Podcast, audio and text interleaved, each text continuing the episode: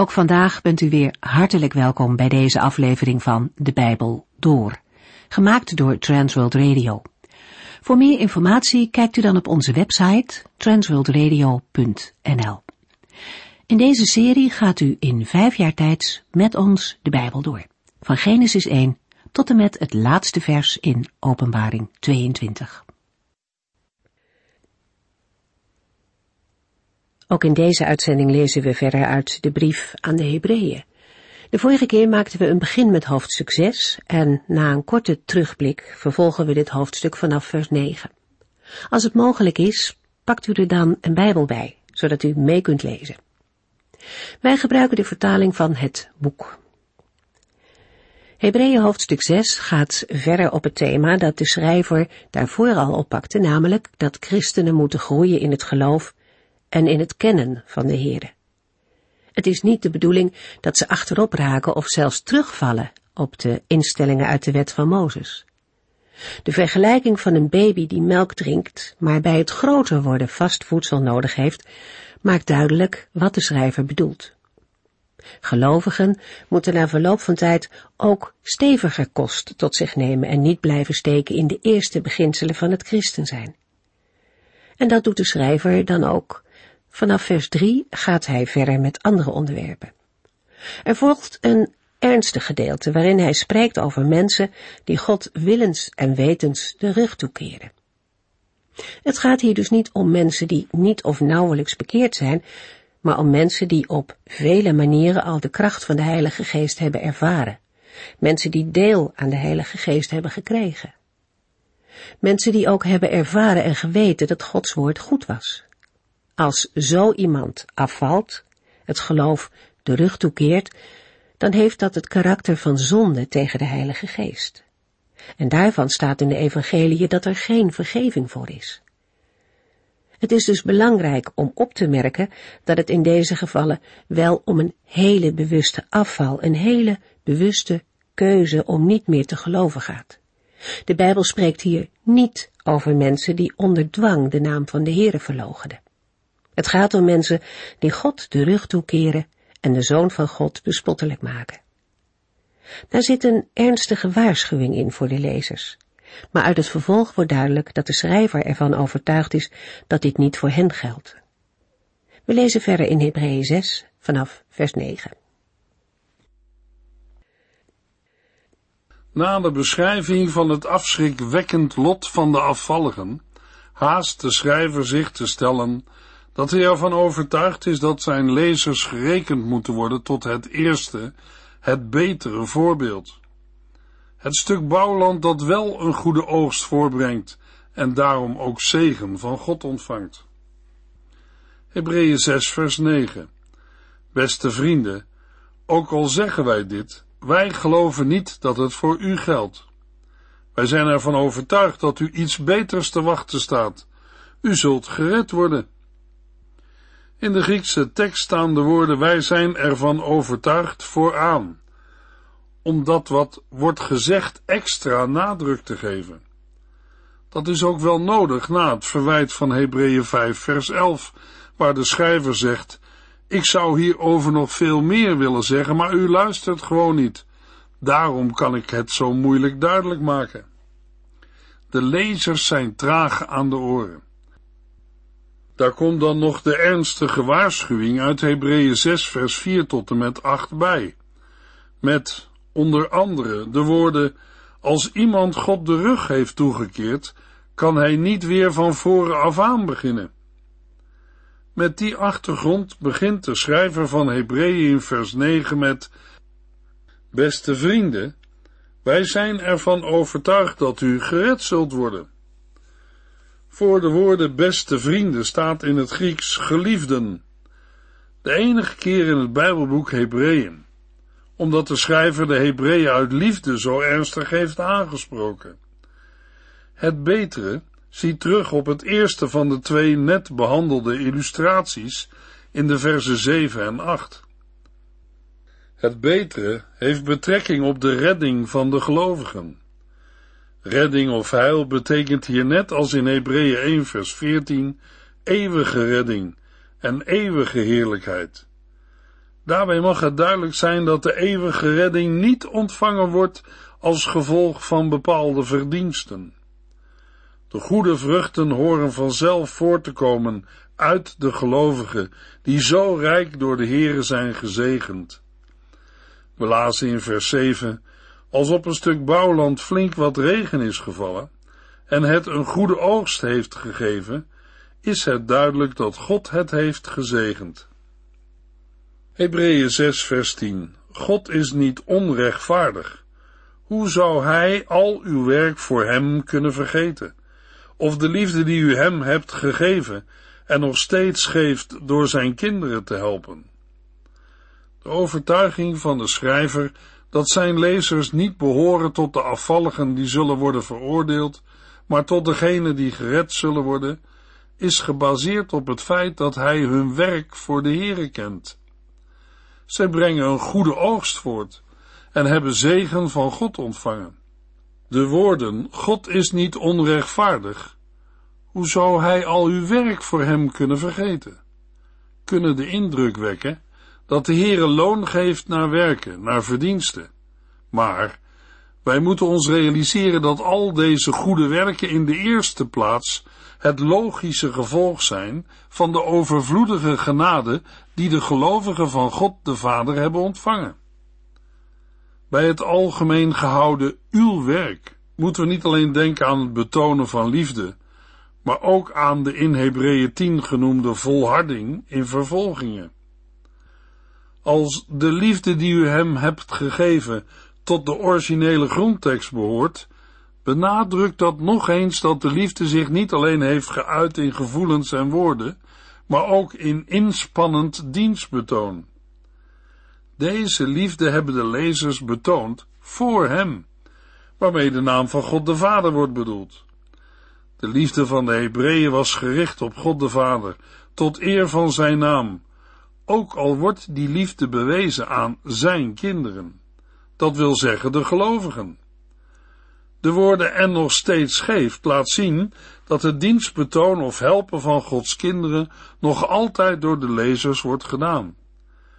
Daarbij hoeven we niet alleen te denken aan financiële steun, maar aan alle vormen van praktische hulp die broeders en zusters in nood kunnen gebruiken.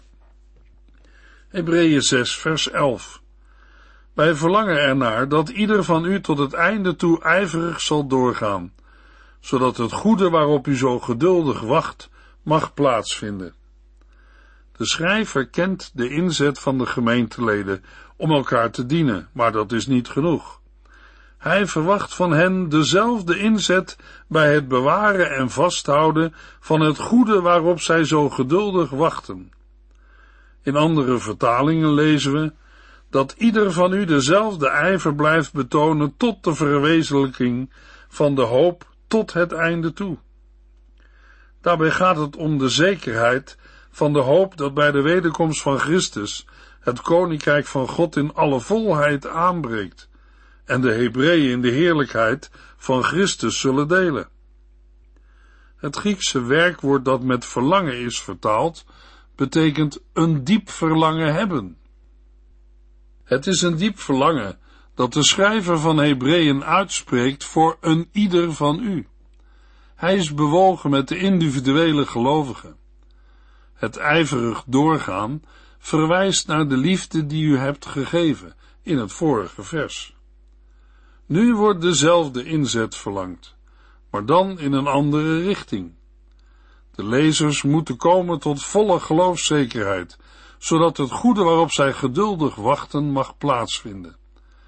Daarmee wordt de heerlijkheid bedoeld die de gelovigen zullen ontvangen bij de komst van Christus. De geloofszekerheid. Om deze heerlijkheid te ontvangen, moeten de gelovigen vasthouden tot het einde, tot de dag waarop Jezus Christus terugkomt. Hebreeën 6 vers 12 En ook dat u de moed niet laat zakken, maar het voorbeeld volgt van de mensen die, door hun geloof en geduld, ontvingen wat God hun had beloofd. In Hebreeën 5 vers 11 werd de lezers verweten dat zij traag waren geworden aan de oren. De vermaning uit Hebreeën 6 vers 11 moet ertoe dienen dat ze niet traag en mat worden op alle terreinen van het geestelijk leven. De beloften van God zijn alleen te verkrijgen door geloof en geduld. Het gaat om geduldig, volhardend geloof, ook al laat de vervulling van de belofte nog enige tijd op zich wachten. De Hebreeën moeten de moed niet laten zakken, maar het goede voorbeeld van anderen navolgen. Bij de woorden volg het voorbeeld denkt de schrijver aan voorbeelden uit het verleden, die de lezers kunnen navolgen. In vers 13 dient Abraham als illustratie. Bij dat wat God had beloofd, moeten we denken aan de vele beloften die de Heer in het Oude Testament heeft gegeven.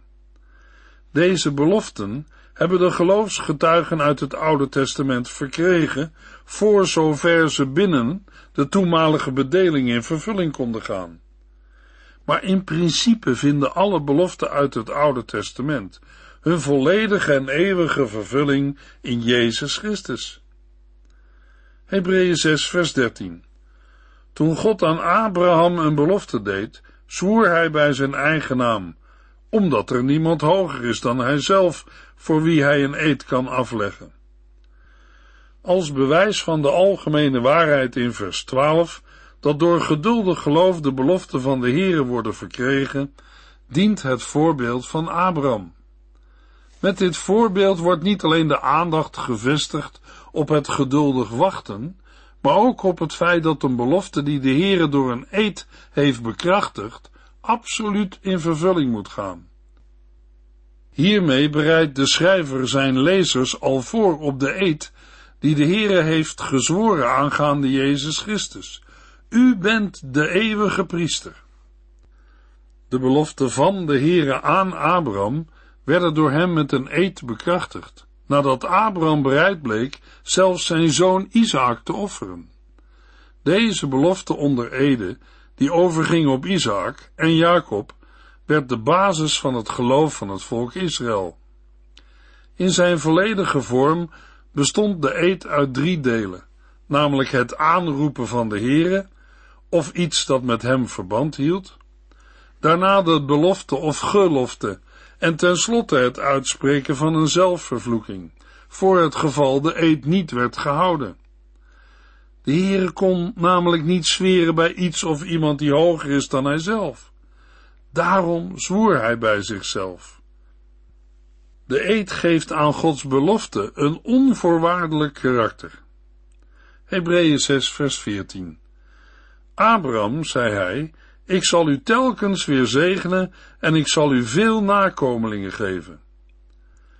De inhoud van de eed is een letterlijke weergave van Genesis 22 vers 17. De schrijver richt de aandacht op dat deel van de belofte dat voor Abraham persoonlijk was bestemd. Deze zegen en talrijke nakomelingen heeft Abraham inderdaad ontvangen. De messiaanse aspecten van de belofte aan Abraham in Genesis 22 vers 18 zijn hier buiten beschouwing gelaten. De Heere maakt aan Abraham duidelijk, ik zal uw rijk zegenen en zeer vermeerderen. Hebreeën 6 vers 15 Abraham bleef geduldig wachten tot God hem een zoon gaf, zoals hij had beloofd. In een andere vertaling lezen we, en zo, door geduld te oefenen, heeft Abraham het beloofde verkregen. Het woordje zo verwijst terug naar het door geloof en geduld de belofte ontvangen in vers 12. Geduld hebben betekent vooral volhardend blijven geloven, ook als de vervulling van de belofte op zich laat wachten. Abraham moest 25 jaar geduld hebben voordat het eerste deel van de belofte, de geboorte van Isaac, in vervulling ging. Daarna maakte hij ook nog de geboorte van twee kleinzonen mee, Jacob en Esau. De namen van nog andere zonen van Abraham vinden we in Genesis 25. Abraham heeft niet als gevolg van zijn geloof een belofte of toezegging van de Heer ontvangen, maar hij kreeg het beloofde, dat wil zeggen de inhoud van de belofte, ook werkelijk in bezit. Er is geen tegenspraak met Hebreeën 11, waar gesproken wordt over een belofte die Abraham en zijn nakomelingen niet hebben ontvangen. In Hebreeën 11 gaat het namelijk om de messiaanse aspecten van dezelfde belofte. Een zegen zijn voor de hele aarde en de belofte van een hemels vaderland. Beide gaan in Christus in vervulling. Hebreeën 6 vers 16 Als iemand zweert, doet hij dat bij iemand die hoger is dan hij zelf, en een eed is het einde van alle tegenspraak. In de versen 16 tot en met 18 wordt uitgelegd waarom de Heere bij zichzelf heeft gezworen en wat de kracht daarvan is. Onder mensen is het gebruikelijk te zweren bij iemand die hoger is dan zijzelf, waarmee onder de Joden alleen maar de Heere bedoeld kan zijn. Talrijk zijn de voorbeelden uit het Oude Testament, waarin mensen zwoeren bij de Heere of zo waar de Heere leeft. De schrijver van Hebreeën geeft in deze versen een algemeen gebruik aan en spreekt zich niet uit over het zweren van een eed op zich. In het Oude Testament was het gangbaar dat er een eed werd gezworen bij de naam van God. Maar in het Nieuwe Testament werd dat door de Heer Jezus verboden. In Matthäus 5, vers 33 tot en met 37 zegt de Heer Jezus: In de wet van Mozes staat ook: U moet zich aan uw eed houden. Wat u voor God hebt gezworen, moet u nakomen. Maar ik, de Heer Jezus, zeg: Zweer nooit. Zeg niet: Ik zweer bij de hemel, want de hemel is de troon van God. Of ik zweer bij de aarde, want de aarde is Gods voetenbank. Of ik zweer bij Jeruzalem, want dat is de stad van de grote koning. Zeg ook niet, ik zweer bij mijn hoofd, want u kunt niet één haar wit of zwart maken. Houd u aan uw woord. Ja is ja en nee is nee. Wat u meer zegt, komt van de duivel. Ook in het Bijbelboek Jacobus lezen we over het zweren.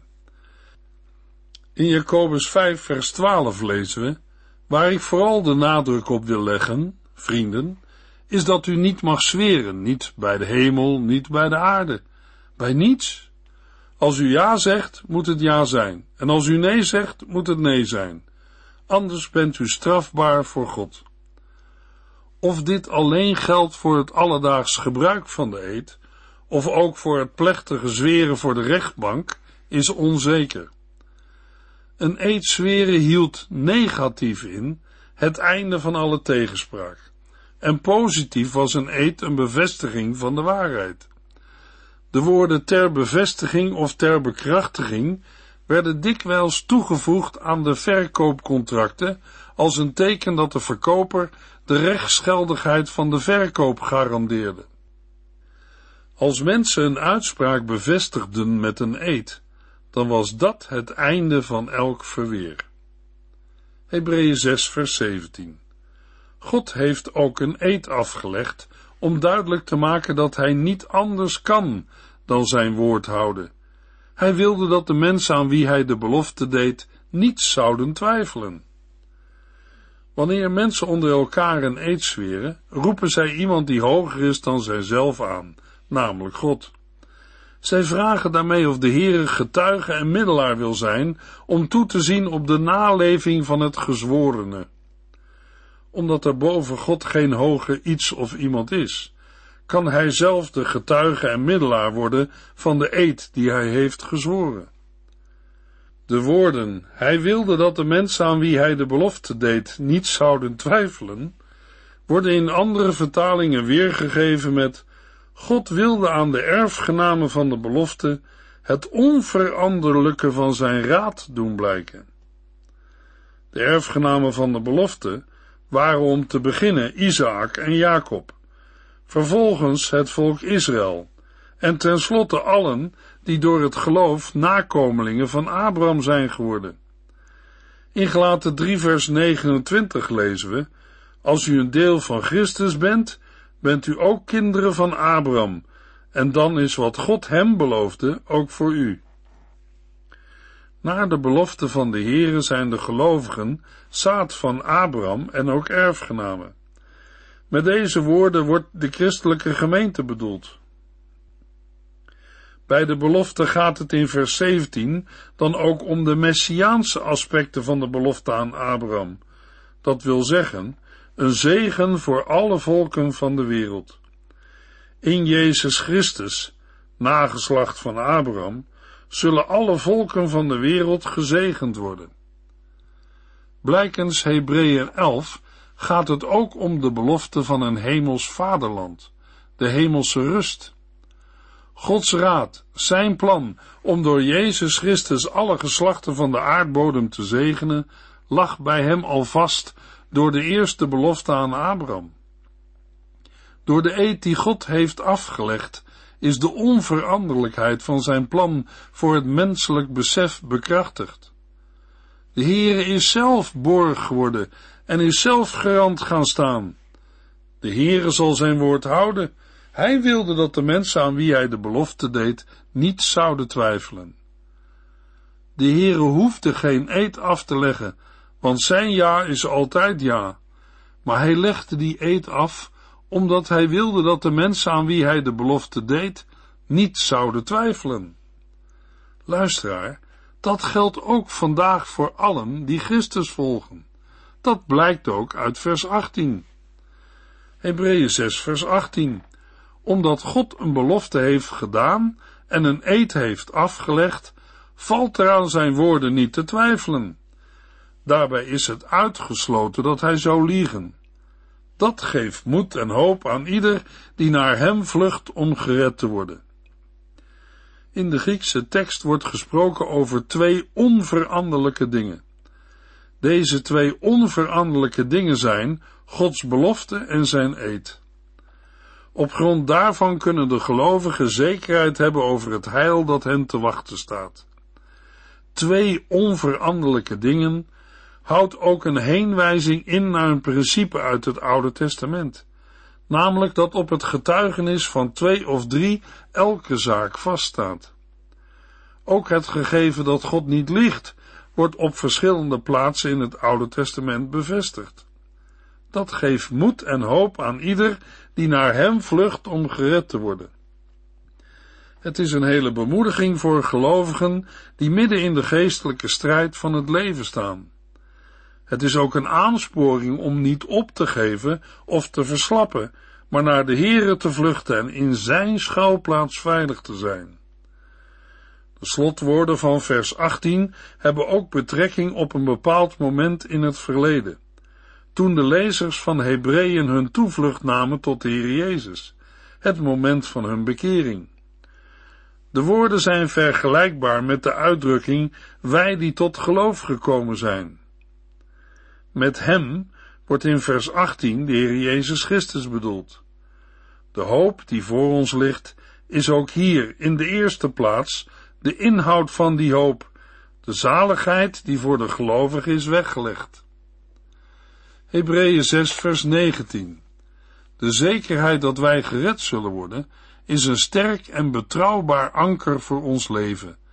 Daardoor zijn wij verbonden met God zelf, achter het gordijn van de hemelse tempel. Een anker is symbool voor hoop. De hoop is in vers 19 de persoonlijke geloofsverwachting. De schrijver werkt deze vergelijking verder niet uit, maar gaat in de tweede helft van vers 19 over op een beeldspraak die berust op de oud-testamentische eredienst. Het anker is ook in de seculiere literatuur symbool voor hoop, maar is naar aanleiding van Hebreeën 6 vers 19 ook een teken van christelijke hoop geworden. Het anker ligt vast op de zeebodem. Zo ligt ook de hoop van een gelovige vast in onwankelbare grond, namelijk in de Heer Jezus Christus. Net zoals een anker het schip veilig bewaart bij wind en golven, zo worden ook de gelovigen door hun hoop op de zaligheid beschermd in tijden van druk en vervolging. In de tweede helft van vers 19 is de beeldspraak ontleend aan de gebruiken op Grote Verzoendag zoals de hoge priester ieder jaar binnenging in het heilige der heiligen, achter het voorhangsel of het gordijn, zo mag de gelovige steeds zijn hoop blijven vestigen op Jezus Christus. Hij is eens en voor altijd het ware heilige der heiligen in de hemel binnengegaan. De hoop van een christen richt zich voortdurend op Jezus Christus. Hebreeën 6 vers 20 Jezus is daar voor ons binnengegaan om voor ons te pleiten.